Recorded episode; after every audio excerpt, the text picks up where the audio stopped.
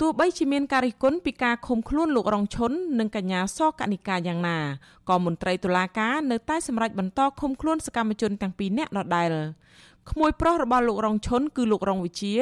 បានរិះគន់សេចក្តីសម្រេចរបស់តុលាការថាជារឿងអយុត្តិធម៌ លោកទៀមទីឲ្យតុលាការដោះលែងសកម្មជនទាំងពីរនាក់ឲ្យមានសេរីភាពឡើងវិញខាងតុលាការគួរតែពិនិត្យឡើងវិញចំពោះនីតិវិធីក៏ដូចជាអង្គការអង្គច្បាប់នឹងខ្ញុំសង្ឃឹមថាតុលាការនឹងពិចារណាឲ្យមានការដោះលែងឲ្យពូរបស់ខ្ញុំបាននៅក្រៅឃុំពីព្រោះថាក្នុងនាមខ្ញុំជាសាច់ញាតិគឺមានការព្រួយបារម្ភពីសុខទុក្ខរបស់គាត់ខ្លាំងមែនទែន ចៅក្រមជំនុំជម្រះសាលាដំបងរាជធានីភ្នំពេញលោកលីសុខានៅថ្ងៃទី8ខែមិថុនា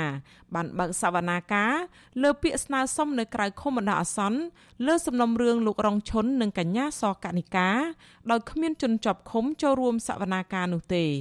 ក្រោយបញ្ចប់សវនាការចៅក្រមជំនុំជម្រះលោកលីសុខាប្រកាសសម្រេចមិនអនុញ្ញាតឲ្យជនត្រូវចោទទាំងពីរនាក់នៅក្រៅឃុំតាមការស្នើសុំនោះឡើយក្រោមហេតុផលថា តុលាការចាំបាច់នៅបន្តនីតិវិធីចំពោះអ្នកជាប់ពាក់ព័ន្ធផ្សេងផ្សេងជាច្រើនទៀតនិងត្រៀមសវនាការលើអង្គសក្តីនៅពេលខាងមុខឆាប់ឆាប់មេធាវីការពារក្តីលោករងឈុននិងកញ្ញាសកនិកា គឺលោកសំចម្រើន ប្រាប់វិទ្យុអាស៊ីសេរីថាខាងតំណាងអัยការបញ្ជាក់ថាខាងពន្ធនាគារមិនអាចបញ្ជូនកូនក្តីទាំងពីរនាក់មកចូលរួមសវនាការបានទេ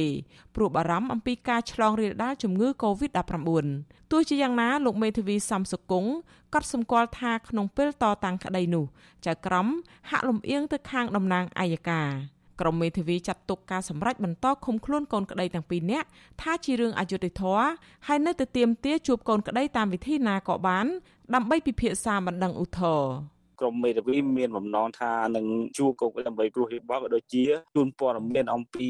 សេចក្តីសម្រេចឬសារក៏សម្រេចការទឹកមិញហ្នឹងប៉ុន្តែយើងអត់ដឹងថាដោយសារបញ្ហាកូវីដតើមេធាវីអាចជួបកុកក្តីបានឬក៏អត់ទេបើអត់ទេក្រមមេធាវីនឹងសម្រេចចិត្តដាក់ម៉ូតូចំពោះសារក្រមដែលសម្រេចបដិសេធការស្នើសុំរបស់ក្រមមេធាវីវិទ្យុអាស៊ីសេរីមិនអាចសុំការបញ្ជាក់ពីអ្នកនាំពាក្យសាលាដំបងរាជធានីភ្នំពេញលោកអ៊ីរិនបានទេនៅថ្ងៃដដែលនេះតែយ៉ាងណា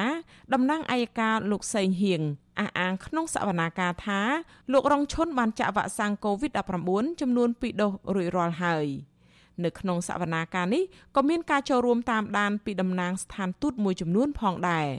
សង្គមស៊ីវិលដែលចូលរួមឃ្លាំមើលសវនាការនេះសោកស្ដាយចំពោះការបន្តឃុំខ្លួនសកម្មជនទាំងពីរនាក់ប្រធានផ្នែកកម្មវិធីស្រាវជ្រាវនិងតស៊ូមតិ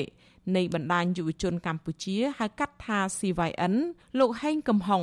ជំរុញឲ្យចៅក្រមដោះលែងសកម្មជនទាំងពីរនាក់ឲ្យមានសេរីភាពឡើងវិញលោកយល់ថាការបន្តឃុំខ្លួនបែបនេះធ្វើឲ្យប៉ះពាល់ដល់សិទ្ធិសេរីភាពជាមូលដ្ឋានរបស់លោករងឈុននិងកញ្ញាសកនិកា ប៉ះពាល់ទៅដល់សិទ្ធិសេរីភាពរបស់អ្នកទាំងពីរយ៉ាងធ្ងន់ធ្ងរបាទហើយជាពិសេសទៀតសោតនោះគឺប៉ះពាល់ទៅដល់គោលការណ៍ដីអំពីយុត្តិធម៌និងភាពឆាប់រហ័សនៃការផ្ដល់យុត្តិធម៌សម្រាប់ผู้ភាគីនៅក្នុងការគុំខ្លួនបាទអញ្ចឹងយើងគិតមើលបើសិនជាការបន្តគុំខ្លួននៅតែធ្វើឡើងដោយគ្មានសវនាការប្រកាសណាស់នឹងធ្វើឲ្យអ្នកទាំងពីរបន្តបាត់បង់សេរីភាពដោយភាពស្រពេចស្រពិលទាំងខ្លួនមិនប្រកាសថាមានបទល្មើសប្រធានសហភាពការងារកម្ពុជានិងជាសមាជិកក្រុមប្រឹក្សាឃ្លាំមើលកម្ពុជាលោករងឈុននិងប្រធានសមាគមកម្មករសេដ្ឋកិច្ចក្រៅប្រព័ន្ធកម្ពុជាកញ្ញាសកនិកា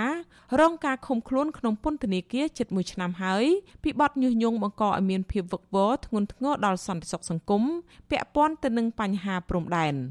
ការចោទប្រកាន់នេះធ្វើឡើងក្រោយពេលលោករងឈុនបានទាមទារឲ្យរដ្ឋាភិបាលអន្តរាគមន៍ករណីទាហានវៀតណាមប្រដាប់ដោយអាវុធបានចូលមកបណ្ដេញអ្នកភូមិឲ្យឈប់ធ្វើស្រែក្បែរព្រំដែនក្នុងខេត្តត្បូងឃ្មុំ កាលពីឆ្នាំ2020 តែរដ្ឋាភិបាលបដិសេធនិងចោទសកម្មជនព្រំដែនថាញុះញង់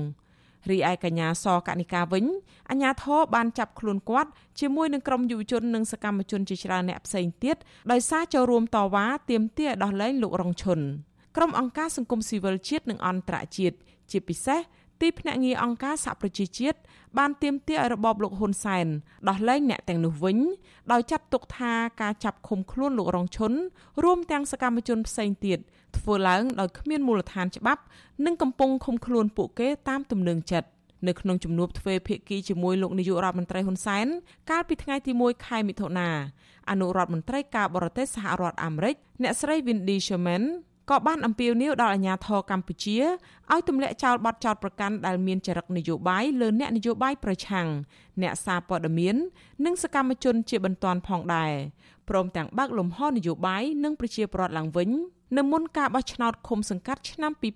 2022និងការបោះឆ្នោតតំណាងរាស្ត្រឆ្នាំ2023ខាងមុខចា៎នាងខ្ញុំខែសុណងអាស៊ីសេរីរាយការណ៍ពីរដ្ឋធានី Washington